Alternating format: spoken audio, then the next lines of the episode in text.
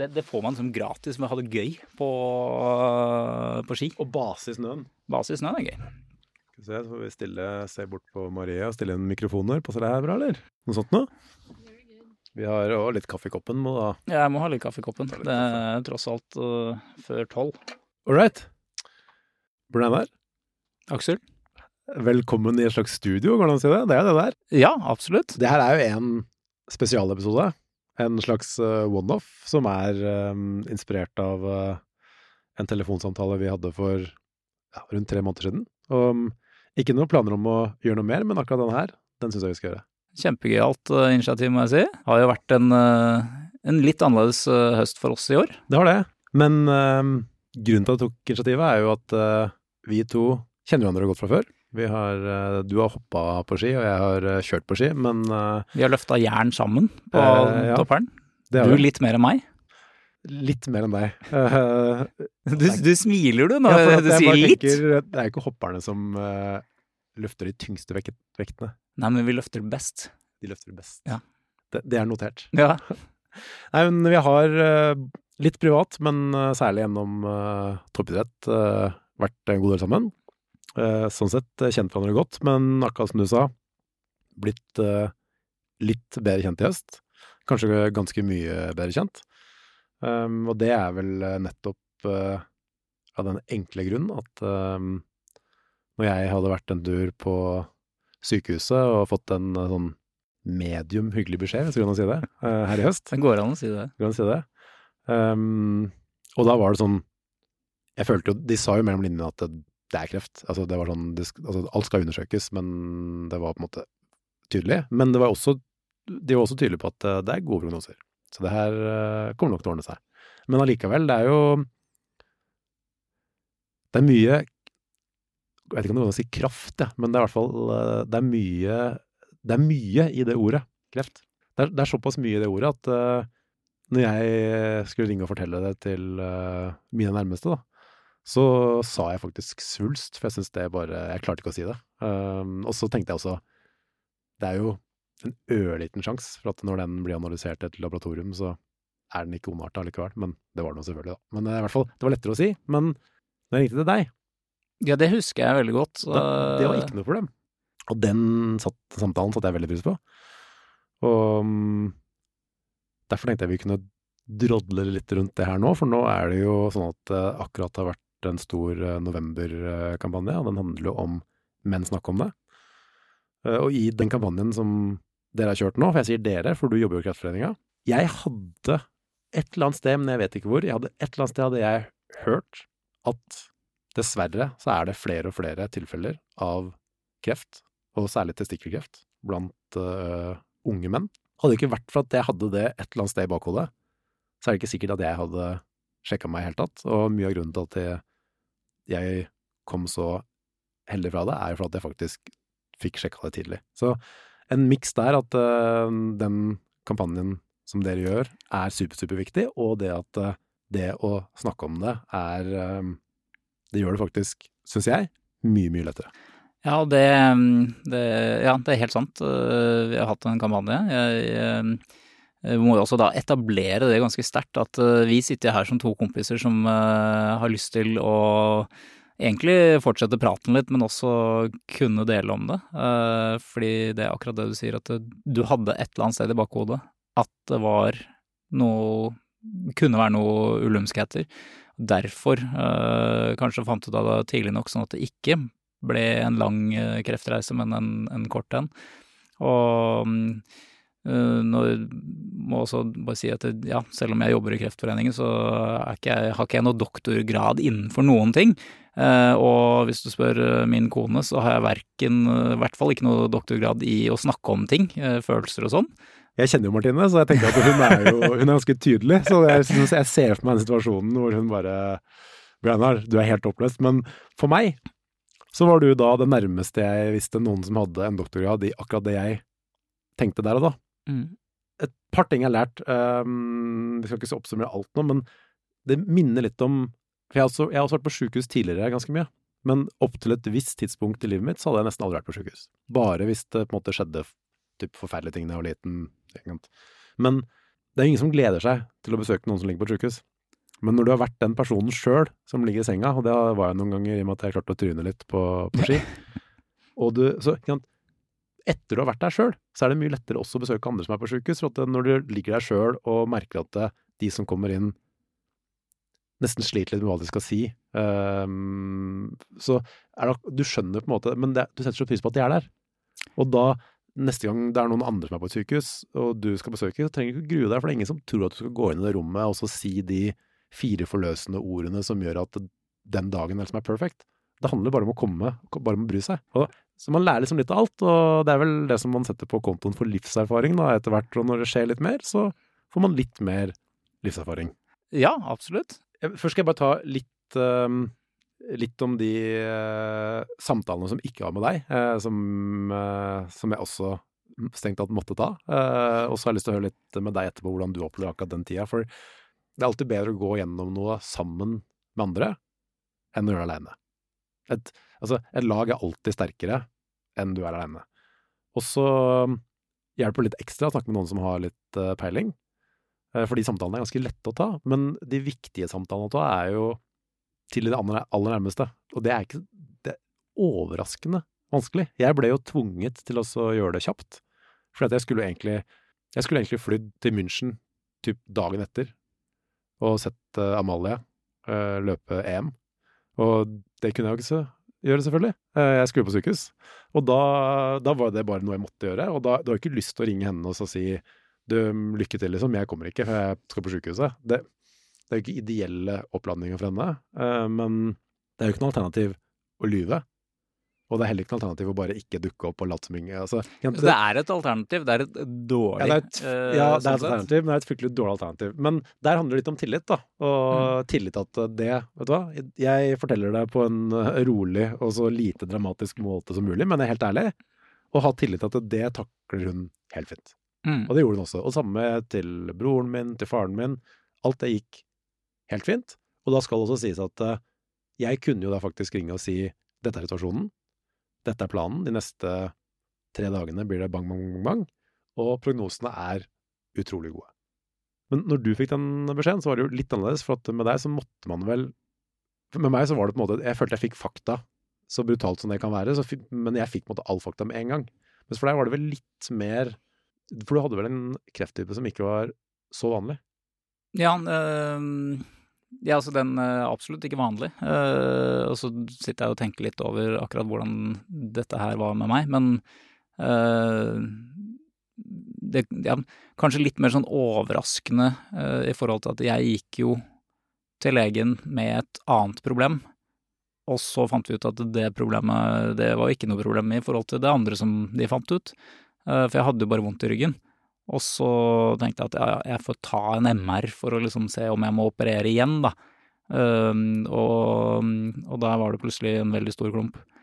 Og jeg husker jo at når jeg fikk vite om dette her Ja, de første samtalene var faktisk veldig sånn ulne, for da var det bare at de har funnet en klump, og den var ganske stor. Og visste ikke noe mer. Men hvordan er det Hvordan Altså en, hva tenker du når du får den beskjeden? Hvordan, hvordan, ser du på en måte for deg de neste dagene, eller hva tenker du oppi hodet ditt? Og hvordan tar du dette videre til uh, dine nærmeste? Nei, altså jeg hadde jo på en måte fått et forvarsel som jeg da på en måte totalt ignorerte. Altså jeg fikk jo vite dette, legen ringte meg på lørdag kveld. Uh, og det er jo ingen leger som ringer på lørdag kveld for å fortelle gode nyheter. I hvert fall når da sier at jeg kan ikke si noe over telefonen, men kan du komme ned på kontoret? Uh, problemet var at da hadde jeg 12-14 karer fra Kongsvinger på fest i bua og drakk hjemmelagd Slivovic fra sporsjefen i Planica, av alle ting. Uh, er det en type sprit? Uh, ja, det er noe hjemmebrent ja, vi, vi greier. Inn på Nei. Det. Nei. Men, men, men da var det ja, kjempehyggelig lag og, og, den biten der, og det var tenkte at ok, det, det, er ikke noe som tar livet av meg i morgen. Det er liksom sånn du bare tenker. Det, mm. det kunne det jo sånn sett vært, men heldigvis så gjorde det ikke det. Og så, og så sa jeg at jeg kan komme på tirsdag. Jeg dro ikke på mandag engang. Jeg dro på tirsdag fordi at jeg hadde skole på mandagen, og hvis jeg ikke var med på den prestasjonsledelsesgreia vi hadde på topperen eller sånt noe da, så ville jeg ikke kunne ta eksamen. Så det var sånn uh, På en måte så er jeg jo absolutt ikke noe godt eksempel på noe. Ja, for du Legen ringer deg klokka ti på kvelden på lørdag. Uh, du skjønner intuitivt at dette er ikke gode nyheter. Men allikevel så er det litt sånn akkurat i dag er det fest, det passer ikke. Søndag, hviledagen, den holder vi hellig. Og Ja. mandag, da er jeg faktisk opptatt. Vi tar det på tirsdag. Ja. Så, Så når eh, du ser tilbake på nå, ja. Nei, altså, det er forbedringspotensial. Ja. Uh, absolutt. Uh, Og hva skjer på tirsdag? Nei, da var du inn der, og stakkars hun eh, vikaren uh, til legen min uh, måtte jo da fortelle at eh, jeg hadde en klump i ryggen. Eh, og jeg, jeg på en måte Sier hun da klump i ryggen? Jeg husker ikke hva hun sa, men øh, det var vel et eller annet sånn rolig overgang til at øh, ja, vi må se på disse bildene. Så sier jeg sånn ja, der er vel det fullt av klumper eller noe sånt, og så sa jeg. Uh, det var ikke fullt av klumper, men det var én, og én er nok, tydeligvis. Ja. Uh, Ja, men uh, var ikke nesten sånn type appelsinstørrelse, eller i hvert fall ja, det var ni centimeter. Ja, Så det Så en Det var en real klump. ja, en svulst, hvis vi skal være Real svulst. Yes. Og, og det er jo som Altså, det vet man jo at eh, Altså, det er, det er en svulst inntil det motsatte er bevisst, liksom. Og det var egentlig det jeg gikk inn for, selv om jeg skjønte jo at dette her er ikke nødvendigvis eh, Jeg har ikke flaks her, tipper jeg, men, uh, men det får bare ta når det kommer. Så jeg husker jeg satte meg ut i bilen, og så ringte jeg moderen og fortalte dette her, og så ringte jeg Klas Brede. Eh, og så kjørte jeg ned til uh, det, Jo, så ringte jeg og avlyste et par møter. Uh, det gjorde jeg. Ja. Tenkte at eh, kreativiteten min, eh, den er nok litt laber i dag, så jeg tar meg en dag off. Og Så du ringer til moren din, og så ringer du til arbeidskollega. mm. Um, hvordan, hvordan Hva sier du for noe, rett og slett? Jeg husker ikke Altså, til moderen så sa jeg vel egentlig Og det, det er jo sånn Jeg er jo veldig heldig som har et veldig sånn åpent forhold til moderen. Eh, moderen har dessverre opplevd eh, kreft, så hun vet veldig mye hva det er snakk om. Og eh, kommer liksom fra den medisinske verden, så hun er veldig sånn vi, vi er veldig sånn Faktabasert? Ja, Ja. absolutt. Eh, men eh, og da var det sånn, ok, greit, ja, da må vi forholde oss til det. Hva skjer videre? Liksom gå opp den løypa der. Uh, så, og der var det ikke så veldig mye som skjedde annet enn at uh, i morgen så er det 1. mai, så da er alle fri. Og så på torsdag så var det et eller annet sarkommøte da, som uh, Radium skulle sjekke ut dette her. Og som hun sa, så var det sånn, ok, det blir sendt til Radium, det er bra. Da, Sarkommøte? ja, fordi at min krefttype heter da Ewing sarkom. Så jeg klarte å få en kreft som ikke het kreft engang, ikke sant. Men Og visste jo ingenting om dette. Jeg har aldri hørt om dette før, annet enn at uh, du skjønner liksom at du har det K-ordet uh, hengende over deg. Og, og så måtte du liksom bare vente. Uh, måtte fortelle til en del flere, fordi vi skulle jo da selvfølgelig på en eller annen familietur som jeg måtte si fra at det kan hende at jeg ikke får blitt med på den på lørdag, liksom. Men har du snakka med Martine, da? Nei, det har jeg ikke gjort det. Men det som eh, skjedde var at jeg, ja, jeg kjørte ned til, eh, til jobben hennes, og så tenkte jeg sånn ok, greit, nå tar vi en god lunsj, liksom. Og så kan jeg fortelle at det kanskje ikke så helt bra ut der. Kommer ned på jobben, hun flyr rundt, eh, smiler, kunder i butikken, alt er liksom bra, og så ser jeg jo liksom, for hun er jo da ikke sant, ja, åssen gikk det hos legen? Og da var jeg sånn, jo, det er bekrefta at jeg hadde vondt i ryggen. Mm. Og så tenkte jeg at det her er ikke noe vits å ødelegge liksom den dagen jeg får det, liksom, det sjokket i, i trynet der. Eh, for da hadde Altså, det var ikke noe sånn Jeg måtte jo ikke fortelle med en gang. Um, og så tenkte jeg sånn, ja, det blir jo liksom vondt å, å fortelle liksom hvordan det skal gå frem, for altså, du har liksom den andre persons følelser egentlig i det, fordi jeg ja, jeg på en måte levde godt med det. Men øhm, øh, Og så husker jeg liksom, ja ja. Hjem, sitter og spiser middag, et eller annet sånn litt utover, og så sier jeg liksom sånn Vente på den inngangen. Mm. Når det kommer det naturlig, men jeg hadde jo avblåst det så sinnssykt i, øh, i butikken tidligere på dagen at uh, dette var jo liksom bare Ja ja. Ikke noe problem. Uh, da husker jeg den satt der og liksom Den var litt tøff å komme i gang med. Sånn, du øvde på inngangen oppi hodet flere ganger? Ja, du apropos, liksom, ja. hvordan skal du Ja. Og, og, da var det selvfølgelig ikke noe, noe hyggelig samtale. Liksom. Det var ikke noe uhyggelig heller, men det var sånn greit. Og så måtte vi liksom bare gå videre fra det og ja, minne oss på at dette her ikke nødvendigvis er noe, noe farlig, da. Tror, tror, du ikke det der er ganske billedlig for sånn det egentlig er for ganske mange? At du Altså, du har i den situasjonen der når du sitter altså Den dagen og rundt i middagsbordet, så har du egentlig Du har jo da samme dagen fått en beskjed som potensielt er livstruende. Og likevel så sitter du jo nesten med å bygge opp mer mot for å tenke hvordan er det egentlig jeg skal fortelle det her? Ja. Til noen jeg bryr meg om. Mm. Hvordan, altså, hvordan, kan jeg på en måte fortelle på en måte som gjør at de blir minst mulig sjokkert, eller uh, ja, tar det best mulig, da? Det er jo egentlig, hvis man liksom tenker på reell risiko, i dette tilfellet her var livet ditt, og opplevd risiko, så er det egentlig ganske sykt at det på en måte er Der og da så er nesten det en tyngre belastning for deg enn den beskjeden du fikk tidligere på dagen. Ja. Øh, ja det, det, er rart med det. Og det er litt sånn sånn, nå høres det ut som jeg ikke er glad i verken moderen eller sjefen øh, min, Klas Brede, men, øh, men, de er liksom de er, de er ett steg lenger unna, på en måte, enn liksom Dette er jeg tror nok, Det hadde kanskje nesten vært enda lettere om jeg hadde bare sagt det med en gang før du begynner å prosessere så mye heller. Mm. Um, for jeg tenker over liksom hele situasjonen, fordi uh, Martine var jo gravid.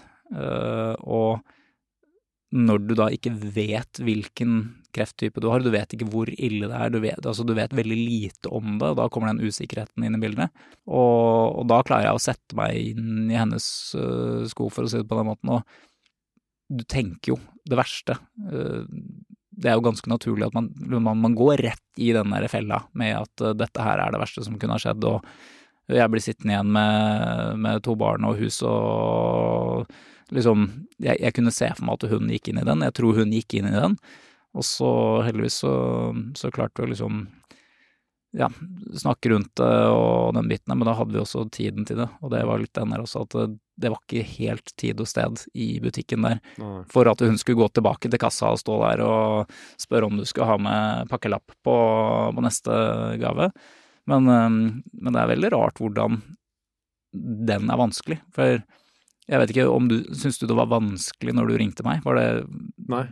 Nei? Det var uh, Selv om jeg måtte smalltalke litt om andre ting først, så var det ganske Ja, men det er ganske unaturlig å ringe sånn og så bare Ja, jeg blander der. Ja, Aksel, jeg har fått kreft. Det er ja. sånn det Ja, den uh, høres litt brutal ut. Nei, men jeg syns ikke det var uh, vanskelig sånn sett, nei. Det var mye, mye lettere. Men hvordan, hvordan var du egentlig fortalte det til Amalie? Hvordan gikk den praten, liksom? Da var det å plukke opp telefonen, da, og um, prate litt uh, Det er litt sånn rart når du skal smalltalke litt først, når uh, du egentlig har et eller annet budskap. Det blir litt sånn annen type smalltalk, men jeg prøvde i hvert så godt jeg kunne. Og så um, fortalte jeg vel at de hadde Jeg sa ikke ordet kreft, men jeg sa vel at de oppdaga en svulst um, som de var usikre på, og det er jo riktig. Uh, men det jeg kanskje ikke var så tydelig på, var at de var sånn vi er 95% sikre. De var ikke 100, de var bare 95. Ja, hvis du er 95% sikker, så er du vel kanskje ikke kjempeusikker, men uh, det var nok litt i den uh, Litt dit jeg ola meg, da. Og så dagen etter Da var de jo ikke usikre lenger, da var de jo helt sikre. Så da um, Men da, da, er det litt lettere når du på en måte har gitt en slags heads up om at det kan komme dårlige nyheter, så er det litt lettere å ta telefonen dagen etter og gi uh, ja, i nyhetene, uansett om det skulle være god eller dårlig. Ja, og det, ja, som sagt, hun skulle jo ned der og løpe, liksom. Sånn, altså, du, ja, jeg vet jo du var veldig nervøs for det også, sikkert med tanke på hennes prestasjon der nede. Men uh, du kan sikkert ikke uttale deg om akkurat hvordan hun tok det, men uh, hvordan, hvordan gikk det der nede? Jo, jeg kan. Altså, hun uh, Jeg er ganske trygg på at hun kom til å takle det på en altså, fornuftig måte, hvis du kan kalle det det. Ja. Um, og det gjorde hun òg. Hun var selvfølgelig veldig opptatt av det um, de, de, dagene det foregikk. For det foregikk jo da helt parallelt med at hun liksom skulle løpe semifinaler og finaler, og, mens jeg hadde på en måte mine semifinaler og finaler inne på sykehuset. Uh, men hun uh, takla det helt uh, superproft, altså var uh, veldig veldig på telefonen, som var da måten vi holdt kontakt når det var mulighet for det, og veldig på startstreken når det var konkurranser og endte opp uh, med å bli nummer fem. Uh, egentlig rett bak en mulig bronsemedalje, så hun løp fantastisk bra. Så det var, var sterkt gjort. Hva trekker du ut av det? I forhold til at hun taklet det bra, du var livredd for å fortelle det. Vi er jo rett i denne båten med at vi, vi, vi, har frykter for ting som egentlig mest sannsynlig bare gir et uh, godt resultat som, uh, som, to personer kommer til å vokse på, og så er vi jo fortsatt redde for det. Ja, det er uh, sikker usikkerhet, da. Altså, du er jo Du skal jo fortelle noe som er, gjør at ting kommer til å være litt annerledes enn det var før. Ikke for alltid, men kanskje for en kort periode. Og hvis det er en situasjon du aldri har vært i før, eller aldri vært med den personen, så er man jo litt usikker. Og all usikkerhet gjør jo at man tenker Noen tenker kanskje det går bra uansett, men de fleste tenker jo også det er ikke sikkert det går bra.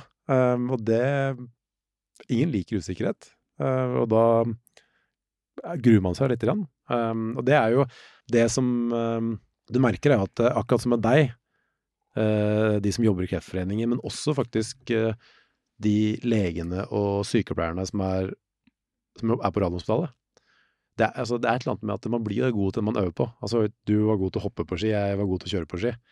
For det hadde du øvd mye på. De som har dette som jobb, eller i hvert fall har noe erfaring med det, vil i de fleste tilfeller være lettere å snakke med. Um, de, så det å ta kontakt med f.eks. Kreftforeningen, da, hvis man ikke har den naturlige inngangen som jeg hadde til deg, f.eks., den, for jeg tror den første samtalen er ganske forløsende. Det gjør det liksom mye lettere etterpå. Og så handler jo dette her om menn snakk om det. Du og jeg har jo vært veldig åpne, og så har vi sikkert uh, ikke helt lik motivasjon for det, men det er sikkert ganske lik. For min del så følte jeg at jeg hadde én, som sagt. Jeg hadde hørt et eller annet som gjorde at det gjorde at jeg gikk til legen. Og to, for meg så varte det bare noen uker. Uh, selv om altså noen, la oss si liksom et en drøy uke med liksom sykehusting, og så et par uker etterpå hvor du venter på tester og svar og sånn. da. Og klart, slitsomt å gå og vente på de svarene. Selv om jeg hadde ganske god følelse, så er det deilig å få bekrefta at det ikke er spredning og det ser bra ut. da. Um, så sånn litt, litt lav på energi var jeg sikkert en måned eller to, men alt i alt utrolig flaks. Og det kunne jo egentlig bare vært for min del sånn nesten en parentes i livet, og så på en måte går du bare videre. Og det gjør jeg jo uansett, men samtidig så var det også en mulighet til å Det hadde bare vært bortkasta, da, hvis ikke man også kunne i hvert fall prøvd å gjøre noe ut av det som um, et eller annet bidrag på en eller annen måte. Det er jo sånn, som du sier, det er jo rett inn i uh, hvorfor Kreftforeningen har en sånn Menn snakk om det-kampanje. Det er jo liksom sånn én, ja, få, få folk til å kanskje uh, ta sånne prater før man står i situasjonen. Da er det lettere å ta den når man havner der. Men også det der at du gikk faktisk til legen. Uh, nå vet jeg ikke om det var helt på egen hånd uh, at du tok den avgjørelsen uh, med at du måtte gå og sjekke fordi det var noe gærent, men, men, du hadde hørt om det. Ja. og det er et altså, Jo oftere du blir eksponert for noe sånt noe, så Ja, men faktisk, hjemme også var jo sånn bare liksom Amalie, hva, hva tror du om det her? Um, men det er, jo, det er jo det også er en samtale. Det er jo den, faktisk ja. den aller første samtalen. Um, så når vi snakker om åpenhet, så er det sånn Du er vant Vi er toppidrettsutøvere. Eller nei, det er vi ikke faktisk, vi er pensjonister. Vi var toppidrettsutøvere. og da er det litt sånn Hvis du tryner og går på en smell, så Og ligger på et sjukehus, så er det egentlig ja, det kan jo like så godt være den der eh, NRK-mikken du får opp i trynet før legen kommer ja, og forteller deg noe, nesten. Det er nyhetsoppslag. Mm. Og da er man blitt litt vant til har litt trening i og blitt litt vant til at uh, det å være åpen på en måte, Noen ganger har du ikke noe valg, og noen ganger så er det bare letteste. Men jeg tenker, menn snakk om det, eller Vi to er jo egentlig litt dårlige eksempler, fordi at uh, det blir en mediasak, og det er jo ikke det altså Da er det sånn alle vet det. Det er jo ikke, det er egentlig ikke det det handler om. Det handler jo om at Nei.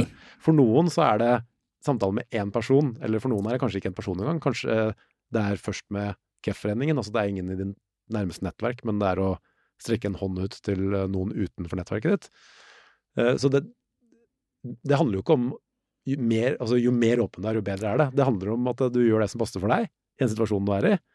Det syns jeg er et viktig perspektiv. Og et annet perspektiv som jeg syns er ganske viktig, er at det, det er ingen som kan kreve at du skal være åpen om alt hele tida. Så fordi om du først Hvis jeg hadde ringt til deg, da.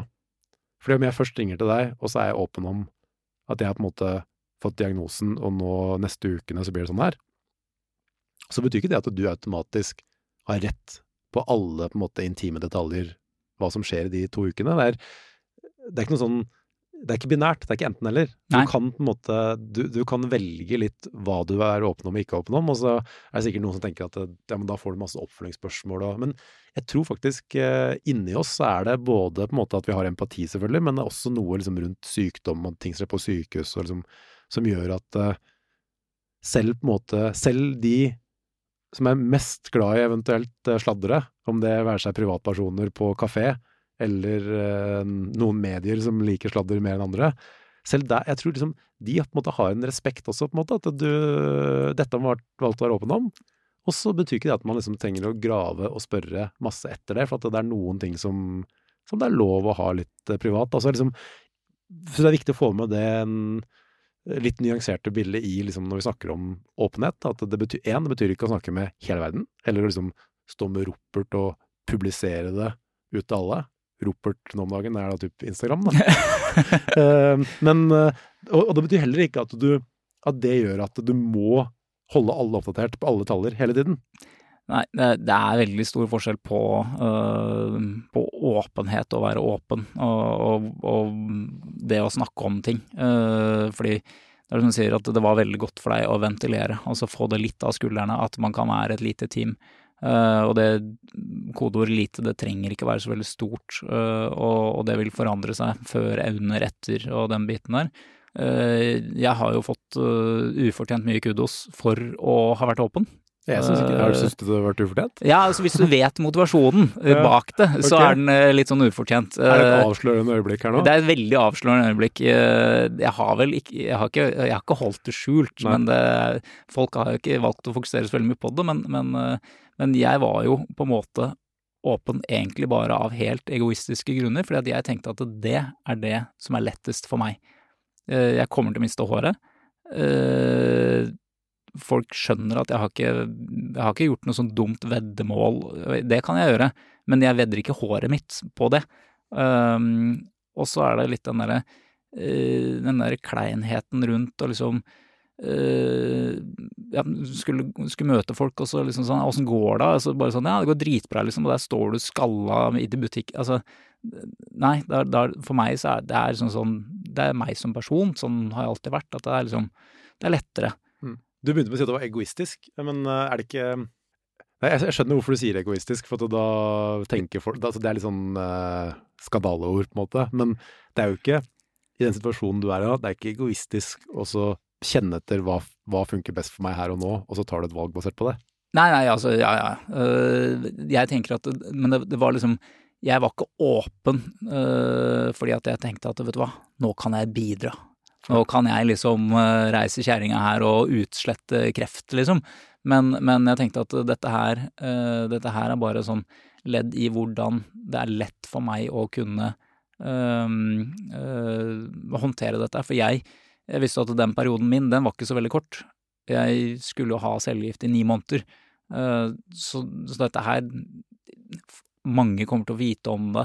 Det er mye lettere å da bare sånn Ok, nå, nå forteller du det offentlig. Det er ganske lenge. Altså, jeg holdt på La oss si ikke en måned engang.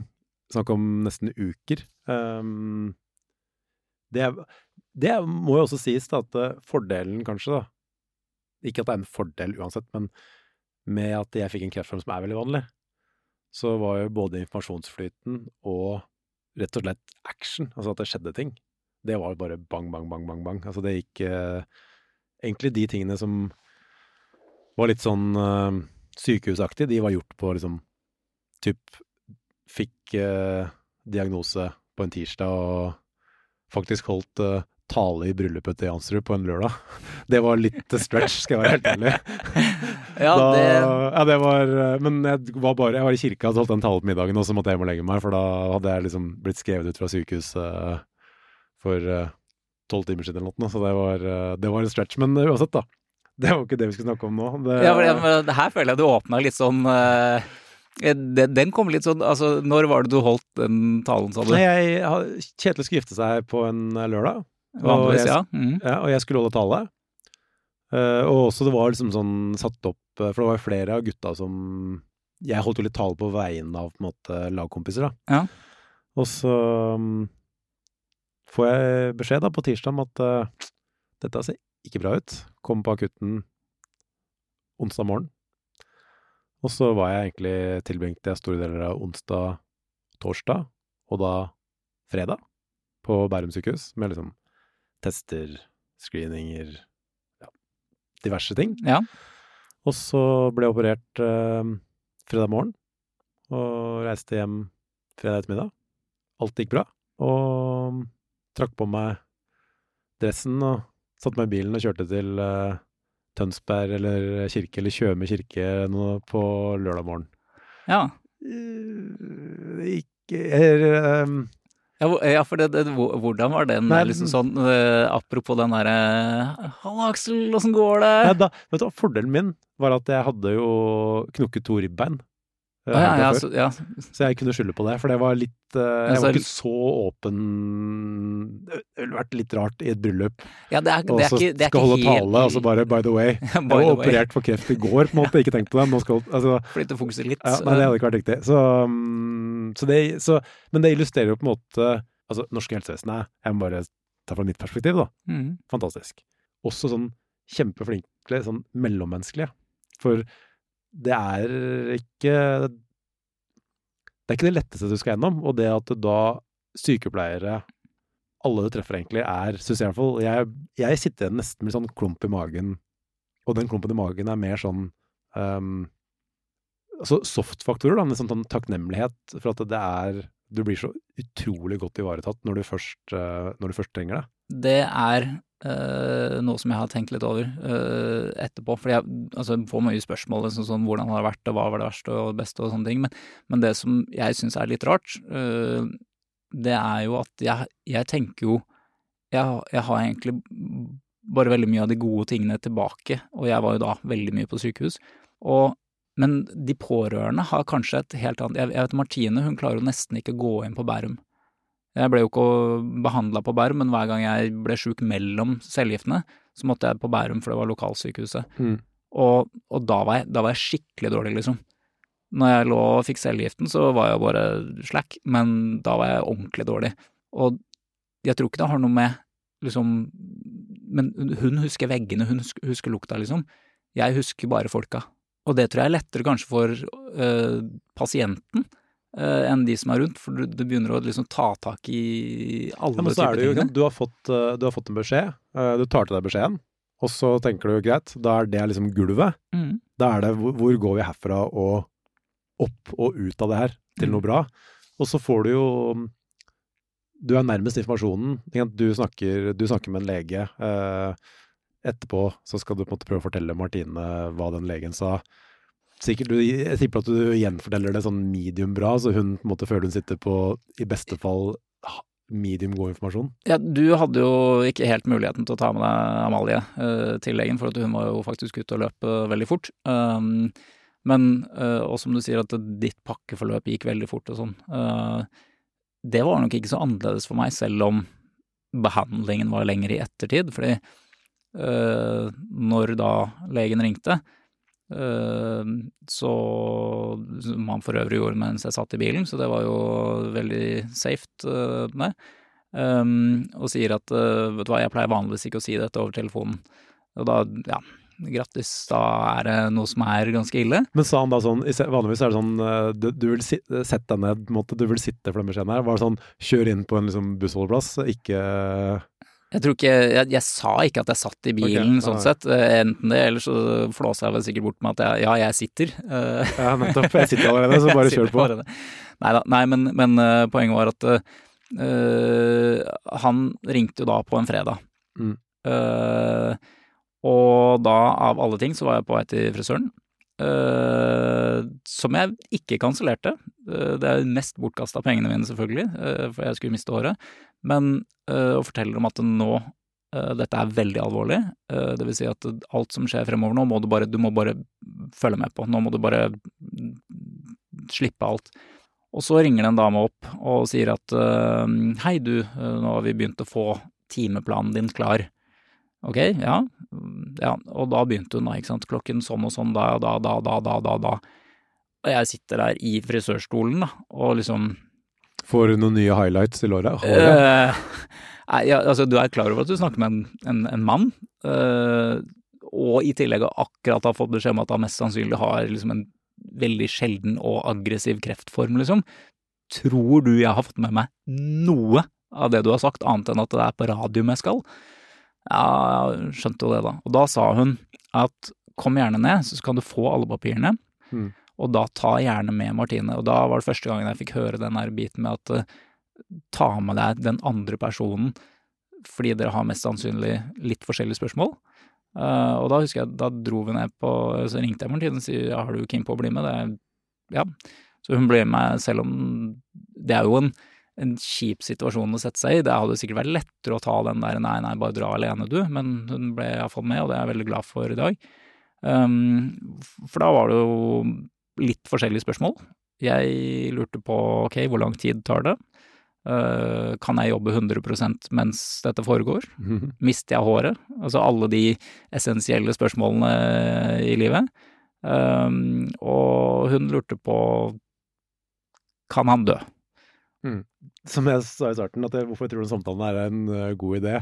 Nesten så jeg begynte å angre nå, når du liksom eh, sa den 'kan han dø'? Ja. Altså, vi skal ikke, det er ikke at vi skal skremme folk nå, eh, sånn at de Nei, ikke ja. orker å gå og, så, og sjekke seg. For det, det er jo Vi sitter her nå. sant? Historien ender godt. Um, og ender jo godt fordi at man faktisk får den beste hjelpa i hele verden. Kanskje. Nå skal vi jo ikke være sånn høye på oss sjøl i Norge og si at vi alltid er best, men akkurat her er vi faktisk sinnssykt gode, og mye av grunnen til det er fordi at eh, det er det offentlige, det er ikke private, sånn at eh, noen går hit og noen går dit. Alt er samla i det offentlige, og derfor er vi sinnssykt gode, og alle har tilgang på det. Men fortsatt for deg, så tok det ni måneder.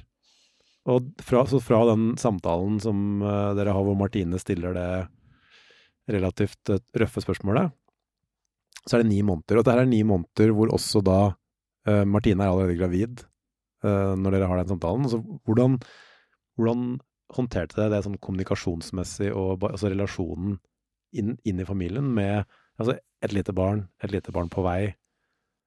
Altså, jeg, jeg, prøver, jeg prøver å sette meg inn i det, men jeg, synes at, jeg ser at det er vanskelig for meg å bare Det er litt sånn tåkete på en måte øh, for både meg og Martine, vi har snakket om dette her, men, men øh, Og litt sånn rart også i, i hodet mitt, da, når jeg liksom ser tilbake på den tiden her. Øh, Jeg så på det litt som en veldig, veldig stor flis i fingeren, øh, i forhold til at jeg Jeg tenkte jo på, ja, utfallet kan være dårlig, men det tenkte jeg veldig lite på. Mm. Eh, og eh, situasjonen var surrealistisk i forhold til dette her med at hun var gravid og, og vi har barn fra før av og, og den biten. Men det valgte vi aktivt å bruke som en positiv ting i denne, uh, fordi vi eh, Vi kunne da liksom Når de mørke tankene begynner å komme, og de, de kommer til å komme Nesten sånn du kan se på hverandre at ok, nå er hun på et litt dårlig sted. Så er det sånn ok, hvordan blir det å få en jente? Hvordan kommer det til å være forskjellig fra en gutt? Og så tenke på hva er det som ligger fremover i tid, Mm. uh, heller på det enn det andre. Og sånn sett så var det sånn Jeg skal jo ikke si at det, det var en fin reise, men jeg sitter igjen med en del gode ting rundt dette her, fordi som du sier, altså det var så ekstremt flinke folk som var rundt meg hele tiden. Og det var jo da ganske mange folk i løpet av ni måneder. eh, både i Norge og i Tyskland, liksom. Så, og kjempeflinke. Mens eh, eh, jeg får jo ofte spørsmål hva var det verste med, med liksom det med kreft. Og da, da er det faktisk reelt at det, det jeg syns var det verste, det var liksom det der med at uh, de pårørende syns dette var tungt. Du har et liv som surrer og går, som du må forholde deg til utenfor. Jeg blir 100 pasient, ikke sant. Du, du går fra å være familiefar og alt mulig rart til å bli bare sånn 100% pasient, og du klarer liksom ikke noe annet. Så det er sånn der Jeg syns det var eh, mye vanskeligere å tenke overfor de pårørende. Og det er som jeg sier nå, det er mange som kan tolke det feil og, den biten der, men jeg syns det er vanskeligere for de pårørende enn å være syk selv. Mm. Uh, ja, tolk det som du vil, men, men, akkurat i forhold til den, den biten er at, uh, som du sier uh, Og det, det syns jeg var tungt. Ligge i andre etasje og liksom ikke orke å ta del i det som foregikk nede, da, og liksom høre at Uh, ja, Martine Ja, For nå er du hjemme, ikke sant? Hjemme ja, i huset? Ja. ja. Ja, for jeg ble jo liggende mye i senga oppe. Uh, og, og, av og til så bare Ja, i dag er det en dårlig dag, liksom. Jeg klarer ikke. Og uh, ja, nå begynner jeg å bli det, det, glemte vi å snakke om, da, at de er kjempeflinke, de der sykepleierne, men det er en konspirasjon der ute. De blander noe i cellegiften til oss kara, sånn at vi blir myke menn etterpå. Så når jeg går gjennom sånne ting, så blir jeg litt rørt, da. Men det får være lov. Det er ikke bare lov, det er uh, Ja. Jeg, jeg, tror det er uh, Hva skal for noe? Kall det menneskelig, og så ja, går vi videre. også, men det viser jo også at det er For nå er jo du Du, du er veldig positiv, uh, og du også snakker om hvor tøft det er for de pårørende. Uh, men det, her, det, viser jo bare at det har vært Altså, det har kosta mye for deg, selvfølgelig. Ja, absolutt. Og det ja, det, det, beviser også litt den der tanken med at jeg, ja, jeg kan liksom snakke mye om den cellegiften, og at eh, jeg har sånn og sånn fokus, eh, og det er null problem å snakke om, men med en gang du begynner å snakke om de tingene med familie, da, så blir det, blir det vanskeligere. Og jeg husker liksom, vi avtalte liksom, ok, greit, nå kommer Martine hjem, henta Fred i barnehagen, eh, og så sier jeg bare at det, jeg klarer ikke. Og, da passet hun bare på at Fred ikke gikk opp i andre etasje, og jeg lå der og var stille, sånn at han ikke visste at pappa var hjemme. Mm. Um, og, og, det var tungt. Det, det, var sånn Ja, du var sliten så du ikke orket å gå ned, men du fikk jo litt med deg hva som skjedde nede, og det kunne være bare positivt og negativt, det. Du er jo Fred er en veldig fin gutt, han altså, men det kan være at vi blir litt irritert på han. Det kan hende at eh, stemmer må heves liksom til tider, og da er det liksom sånn ja, du har litt, litt, lyst til å hjelpe til, men du får bare ikke gjort det, liksom, og det må du innse. Og det, den er veldig tung å svelge. Det, det er mye tyngre å svelge enn en fryktelig mye annet, liksom, at du må sette andre ting på hvil, eller uh, sånn type ting, da. Og etter hvert så blir eh, Fiona også født? Ja, absolutt. Og det var jo kjempefint. Og uh, selvfølgelig også en, en, rar opplevelse, det. Fordi hun ble jo Altså, det var vel tre måneder igjen til hun skulle bli født når, når jeg begynte med cellegiften og den biten her. Og det at uh, sykepleierne måtte lære seg hvordan å avbryte en cellegiftkur for at pasienten liksom kanskje må hive seg i en taxi ned til Ullevål, liksom. Men um, når dagen først kom, da, så, så, var det kjekt inn der. Følte meg litt sånn uh, groggy på morgenen der, men det gikk fint. Og så plutselig bare kjenne at det er jo, jeg er jo dritdårlig. Så jeg lå jo, fikk jo De sykepleierne var jo liksom De titta så vidt bort på Martine. De så jo på han der stakkaren som sto som en svingstang og bare sånn Er du sikker på at ikke vi skal hente en seng til deg? Så jeg lå jo med boblejakke under eh, dyna med klut på huet, og Martine stakkars fikk jo ikke noe oppmerksomhet på den der fødestua. Fikk oppmerksomhet når Fiona skulle komme, da, men, eh, men det var sånn det var, det var, veldig rart, men akkurat når, når, hun kom, så var det sånn Det var veldig deilig å kunne ta del i det livet som skulle gå videre også der, da. Så mm. det, det fighta jeg hardt for, og så realisten i meg sa at det var jo bare én eller to etasjer ned til akutten hvis det skulle bli sånn at jeg ble skikkelig dårlig, da. Mm. Vi har jo snakket om, om dette ordet kreft og, og den biten der. Var du noen gang redd? Um, jeg vil si faktisk eh, ja. Uh, fordi at uh, det, det, er veldig sjelden, men det er noen sjeldne ganger man tillater seg å tenke worst case scenario og så på en måte går man bort derfra. Men noen ganger så lurer det seg, lurer det seg inn, og da er man på en måte ikke, Kanskje ikke redd, men du på en måte har et sånn kort øyeblikk hvor det knyter seg litt i magen. da, og så mm, Jeg er veldig rasjonell, da, så da begynner jeg liksom å tenke rasjonelt igjen hvor liten sjanse det er for det. ikke sant, hvor du suger jo til deg informasjon, hvor langt man har kommet i behandling, alle de tingene der, da. Så mm, jeg var mm, Jeg var faktisk ikke veldig ofte redd, for å si det, å si det sånn. Kanskje litt Hvis du er redd for noe, så er det mm, Er det kanskje hva du eventuelt går glipp av. Altså hvis det skulle skje noe i behandlinga, eller noe skulle gjøre at livet ditt eh, Og da tenker jeg ikke liksom de neste månedene, for det skal alltid takle, men hvis vi på en måte snakker om år, at du liksom må gjøre store tilpasninger i livet ditt som gjør at du ikke um, får oppleve eller kan være med på noen av de tingene som du Som ikke betyr liksom Det, det er ikke å reise til Mars, liksom. Altså det er helt normale ting, da. Men at um, ja, at man er redd for kanskje å gå glipp av noe, da. Men som sagt, det var liksom kort øyeblikk, og så så jager man det Eller jeg tror ikke man trenger å jage det bort heller, men du fokuserer liksom på det som er her og nå, og det som er veien gjennom, da. Um, og den er jo ikke Ja, for, veldig mange som får høre ordet kreft, så er jo ikke veien gjennom det minefeltet som det en gang var. Altså, den, jeg tenker For en del år siden så var jo det Det er fortsatt et veldig alvorlig ord med mange tilfeller som dessverre er Ja, har en kjedelig utgang.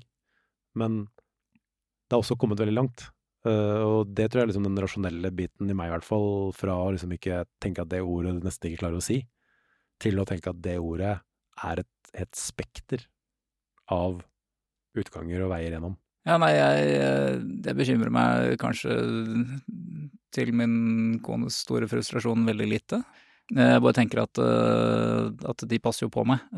Og så Eh, jeg har klart det en gang, da får man klare det en gang til hvis så skulle være. Og så, og så vet jeg at det er veldig lite positivt som kommer ut av det, og, og liksom gå og dvele ved det for lenge, sånn at du Jeg, jeg lager meg teknikker eller noe sånt noe rundt dette her. Jeg syns det bare kjempehyggelig å komme på kontroll. Det er sånn Sist jeg var på kontroll, så sånn ja, ja, men da ses vi om et halvt år. Så bare hæ, et halvt år? Da må jeg nesten komme innom for kaffe, liksom i mellomtiden, for det er jo så hyggelig. Mm. Men jeg tenker på, det kan det kanskje også være fordi at vi er ganske gode til å prøve å finne det der halmstrået av positivitet når du liksom står på toppen av Kitzbühel, bindingen er litt slarket og du kjenner det litt i hamstring. Bindingen er hvis bindingen er litt slarkete, det er noe som ikke har gjort jobben sin også. Den skal ikke være litt slarkete. ja, ja, ja, det, men altså det, det skjer jo. Ja. Nei, eh, ja, jeg har mista Var det ikke du som hoppa og ja, mista du skia en gang? Ja, ja, så det skjer at bindinger slerker. Det er ikke bra. Nei, det er det ikke. Men, øh, men jeg satt ikke på toppen og tenkte at øh, det kunne skje da heller, men, men det skjedde. Men øh, nei, så jeg, jeg tenker at det, det, er veldig naturlig å ha litt den der frykten. Og, og jeg kom på en greie nå at uh, Martine ble jo faktisk ganske forbanna på meg. Fordi jeg var jo ikke så veldig redd for å dø. Jeg vet ikke om det var fordi at de hadde Altså legene hadde jo forklart veldig mye om statistikken, og det var kjempe, kjempegod statistikk. Uh, og jeg tenkte da alle de positive tingene rundt dette her. Men jeg visste jo ikke jeg visste jeg skulle starte på cellegift, og så visste jeg at eh, etter x antall kurer så skal de sjekke om det funker, og etter det må vi ta en avgjørelse om øh, operasjon eller øh, stråling. Og da øh, Da dro jeg ut og kjøpte motorsykkel. Litt sånn Ja, for akkurat som ikke det er farlig å ha kreft, så er det i hvert fall farlig å ha sykkel. Akkurat det tenkte jeg ikke så mye på, eh, men, men eh, det var en sånn greie. Jeg husker jeg, jeg var nede på lekeplassen og sto og hoppet trampoline med, med Fred. Og da var det, sånn, det var sånn, da, da knakk jeg nesten sammen i forhold til skal jeg ikke få lov til å oppleve dette her?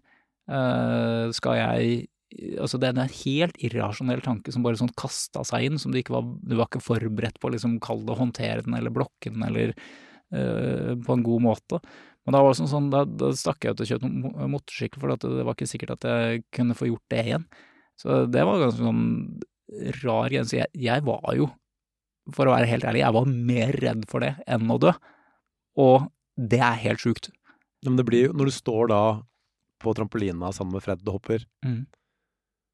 Eh, og du tenker at det kanskje er en sjanse for at jeg ikke kan gjøre det her i framtida, mm. så det var litt det jeg mente på en måte med det handler ikke om at du skal til Mars eller et eller annet crazy, men det er jo på en måte en eller annen slags frykt for at uh, de helt normale tingene du har tatt for gitt, mm. at det er noe av det som skulle forsvinne på en eller annen måte.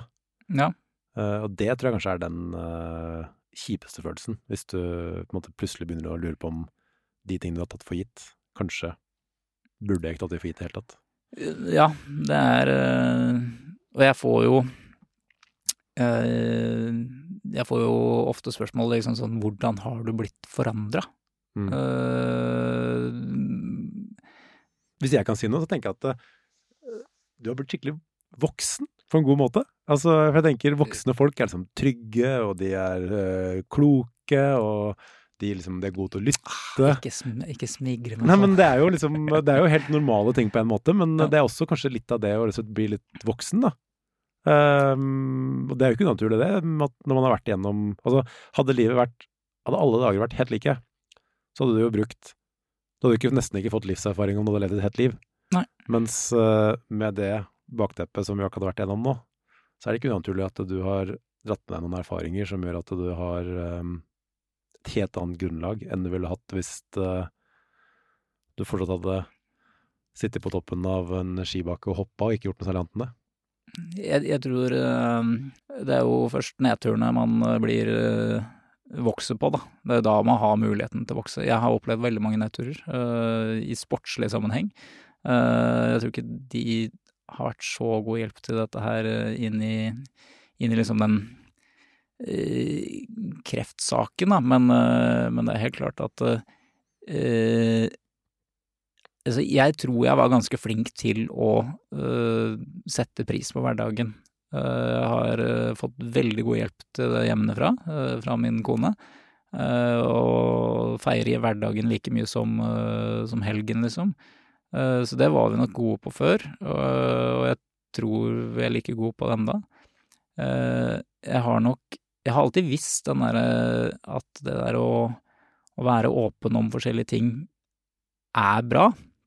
Men jeg har kanskje blitt enda mer bevisst det der om at eh, man snakker om, om, lagbygging, man snakker om liksom alle disse prestasjonsfremmede greiene som jeg eh, har lært. Jeg har til og med holdt foredrag om de. Eh, men, men eh, det som man ofte glemmer i dette er den derre ans, altså ta ansvaret for det selv, da, i forhold til Altså, ja, vi sitter her, vi, vi snakker sammen nå. Jeg, jeg, jeg merker at jeg, jeg får flere gode samtaler med mange forskjellige folk fordi at jeg har åpnet den døra. Mm. Jeg, har, jeg har liksom blottet litt av, av både det sterke og det svake som bor i meg. Og derfor så er det kanskje lettere at folk Det er lettere at du ringte meg mm. enn hvis jeg ikke hadde øh, snakket mye om dette her. Hvis jeg, så hadde du kanskje tenkt ok, ja, hvem kjenner jeg som har hatt kreft, hvem kan jeg ringe til? Uh, så hadde kanskje ikke mitt navn poppet opp uh, så tidlig. Så jeg tenker at det, det, har, det, har, vært en positiv greie. Jeg vet ikke med deg, altså du, du sier jo liksom at ja, det har vært så kort tid og den biten der. Men det har også vært veldig nærme. Mm. Det er jo faktisk for veldig kort tid siden du var gjennom den derre som du prøver å tulle bort, eh, korte perioden der. fordi at eh, det er jo bare starten på hva som blir resten av livet, da.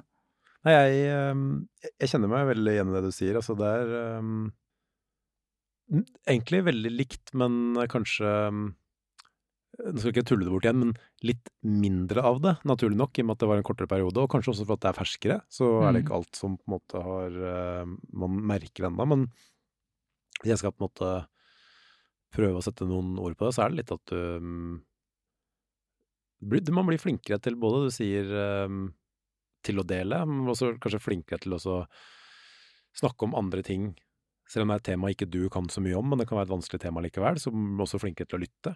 Og så tror jeg Amalie kunne tenkt seg at litt den der eh, konspirasjonsteorien din om at uh, de blander noe sånn Du skulle gjerne hatt en cellegiftkur på deg? ja, eller tåremiddel i den cellegiftkuren. For at uh, det er på en måte um, Det er sjelden jeg, jeg, kan bli veldig rørt, tror jeg, at jeg da tyr til tårene. Men ikke, det er jo litt det du gjør nå også, men det er, ikke, det er ganske sjelden, faktisk. Så noen ganger føler jeg meg litt sånn iskald, så jeg kunne kanskje ha blitt myka opp enda litt. Men det var liksom fleip, men liksom fleip til side, så tror jeg det er den liksom at uh, ting er ikke så farlig. Altså, hvis du er på en måte ærlig og åpen om det, uh, så er det det aller meste For det første kan det ordne seg, og så er det ikke sånn at alle har jo sine ting. Mm. Så det med å på en måte vise litt sårbarhet og være litt åpen om det, gjør at uh, Ja, det gjør at man eh, knytter noen bånd, da. Som du sier, du snakker litt til kompiser, men eh, i dette tilfellet også mellom meg og deg, for eksempel. Og så tror jeg en siste ting som jeg føler eh, kan være nesten litt sånn at, Vi skal ikke konkludere, for at det, er vanskelig å konkludere på et så tema som det her, men noe som jeg ganske kjapt skjønte, var at eh, ordet kreft er ikke Det er liksom ikke ett ord ferdig med det. Det er et helvete. Ja, det er mange tilfeller som er et skikkelig helvete, men For å spørre An- Anna. Ja. Før du, helt på egen hånd, gikk til legen fordi at det var noe gærent, hva var, ditt, hva var din tanke om kreft? Hva, hadde, altså, hadde du et bilde på kreft? Hva, hva tenkte du hvis du hørte kreft? jeg tenker verste som kan skje. Det er jo liksom det du tenker. Det er liksom, Du var rett i kista. Ja, du, øh, om ikke rett i kista, så tror jeg bare at jeg bare tenkte Jeg var mer sånn, vet du hva. Det håper jeg aldri får. Ferdig med det. Ikke Jeg var liksom Ja, men du skjønner hva jeg mener? Ja, ja, ja, ja. Nesten du, du vil ikke tenke tanken. Nesten bare feie det bort, og bare Det håper jeg aldri får. Og så, når du da får høre om det, så gjør du deg på en måte mer kjent med det, og nesten Skal ikke si du blir til venns med det, men du liksom blir vant til tanken, på en måte. Og så Og det syns jeg på en måte er så viktig at det, det er på en måte Det betyr ikke at eh, det ikke er noe håp på noen som helst måte. Altså, selv og da En ting er meg, men din historie. Altså, ni centimeter stor svulst som sitter sånn til at det er vanskelig å fjerne den. Og så sitter vi her nå, og vi kan snakke om det som noe som er bak oss. Som er bak deg og familien. Altså, det har skjedd så mye som gjør at eh, Ja, hvis man kan bidra til at folk kommer seg tidligere til legen, superfint. Men jeg tror også gjennom behandlingen, da. Det å ha den, den, det som du og Martine hadde sammen, da, for eksempel. Hvor mye, hvor viktig det var. Altså, mm, det er liksom både for å komme tidlig i gang og bedre prognosene, så er det kjempeviktig, og bare kunne bidra litt til at eh, man er mer, mer åpen, men ikke minst tror jeg gjennom hele, hele sykdomsforløpet, som for noen er eh, lengre og for noen kortere, så jeg tror det er mye, mye, mye lettere hvis man er litt åpent, for da blir du overraska over på en måte hvor lette det er å stå i et eller annet hvis man er sammen om det og ikke skal være aleine. Helt enig, og det mener jeg også faktisk at jeg har øh, hørt noen av de som er smarte med hvite frakker, de legene, sagt at det, Og det er det det handler om. Altså, øh, når vi skulle kjøre fort eller hoppe langt på ski, så var det jo å være åpne for at andre kunne hjelpe oss på best mulig måte. Altså, du holdt ikke tilbake øh, i forhold til hva du snakket om en sving med treneren. Jeg fortalte alle mine følelser sånn at treneren og jeg kunne være på og snakke om de tingene. Og det er jo akkurat det samme som det handler om i sykdomsforløpet også. Og i etterkant så er det jo det, eh, Jeg skal jo være ærlig på det at i og med at jeg begynner å grine hver gang jeg driver og snakker om et par av de episodene som har vært gjennom dette her, så har nok ikke jeg nødvendigvis vært kjempeflink til å prosessere alt sammen. Eh, men jeg er iallfall veldig uredd i forhold til å gå dit, da. Ikke sant. Altså, Det er nesten vanskeligere å spørre om hjelp når du, liksom, når du egentlig trenger det, faktisk. Og det er jo et um, det, det, så, så, Sånn kan det jo ikke være. Det er da du trenger det. Altså, det også, du, som du sier, at du ligger på sjukehuset, eller du Når du virkelig trenger hjelpen, da kan det kanskje være enda vanskeligere å være åpen enn når du er storfavoritt til å ta hjem en eller annen verdensmestertittel. Det, det er ting som kanskje er mer privat, eller hvor du er mer, mer sårbar, men i veien oppover igjen for å bli frisk, så er det én, jeg tror det er mentalt kjempeviktig, men hvis legene også sier at det har en effekt på behandlinga, så tenker jeg at det, da er dette her en vinn-vinn. Altså på alle måter. helt enig, og det der motet med å faktisk snakke om det. Tørre å heve uh, nivået på sårbarheten til uh, litt folk rundt deg. Så er det også veldig mye bedre stilt hvis det uh, skulle skje en eller annen gang. Kreft er dessverre i hverdagen. Altså om du blir påvirka selv, eller om du får kreft selv, eller om det er noen i nær familie. Du kommer til å møte på folk, og det å kunne være en god lagspiller da, det tenker jeg er kjempeviktig. Og det er egentlig perfekt opptrekket for at jeg kan eh, avslutte med akkurat det jeg begynte med. At um, når jeg plutselig var en helt ny situasjon for meg, så plukka jeg opp telefonen, ringte selvfølgelig de aller nærmeste, og så ringte jeg til akkurat deg, fordi at uh, du var den jeg kjente best, som hadde vært gjennom noe lignende. Og det syns jeg var um, Ja, det var en av de viktigste samtalene jeg hadde uh, de dagene, så igjen, takk for det. Jeg, jeg, jeg har alltid sett på deg som en, en, venn. Nå ser jeg på deg som en veldig god venn. Og så har jeg bare lyst til å si en siste ting. Det er at uh, den Det er vanskelig å komme i gang med den praten der. Derfor så finnes det faktisk fagfolk til det. Så ta kontakt med rådgivningstjenesten. Ta kontakt med fagfolk. Den første samtalen er sannsynligvis det vanskeligste, men det er også den viktigste mm. for å komme i gang. Tusen takk for at du ville være med, Bjørnar. Tusen takk for at du ville være med, Aksel. Produsert av Klinge.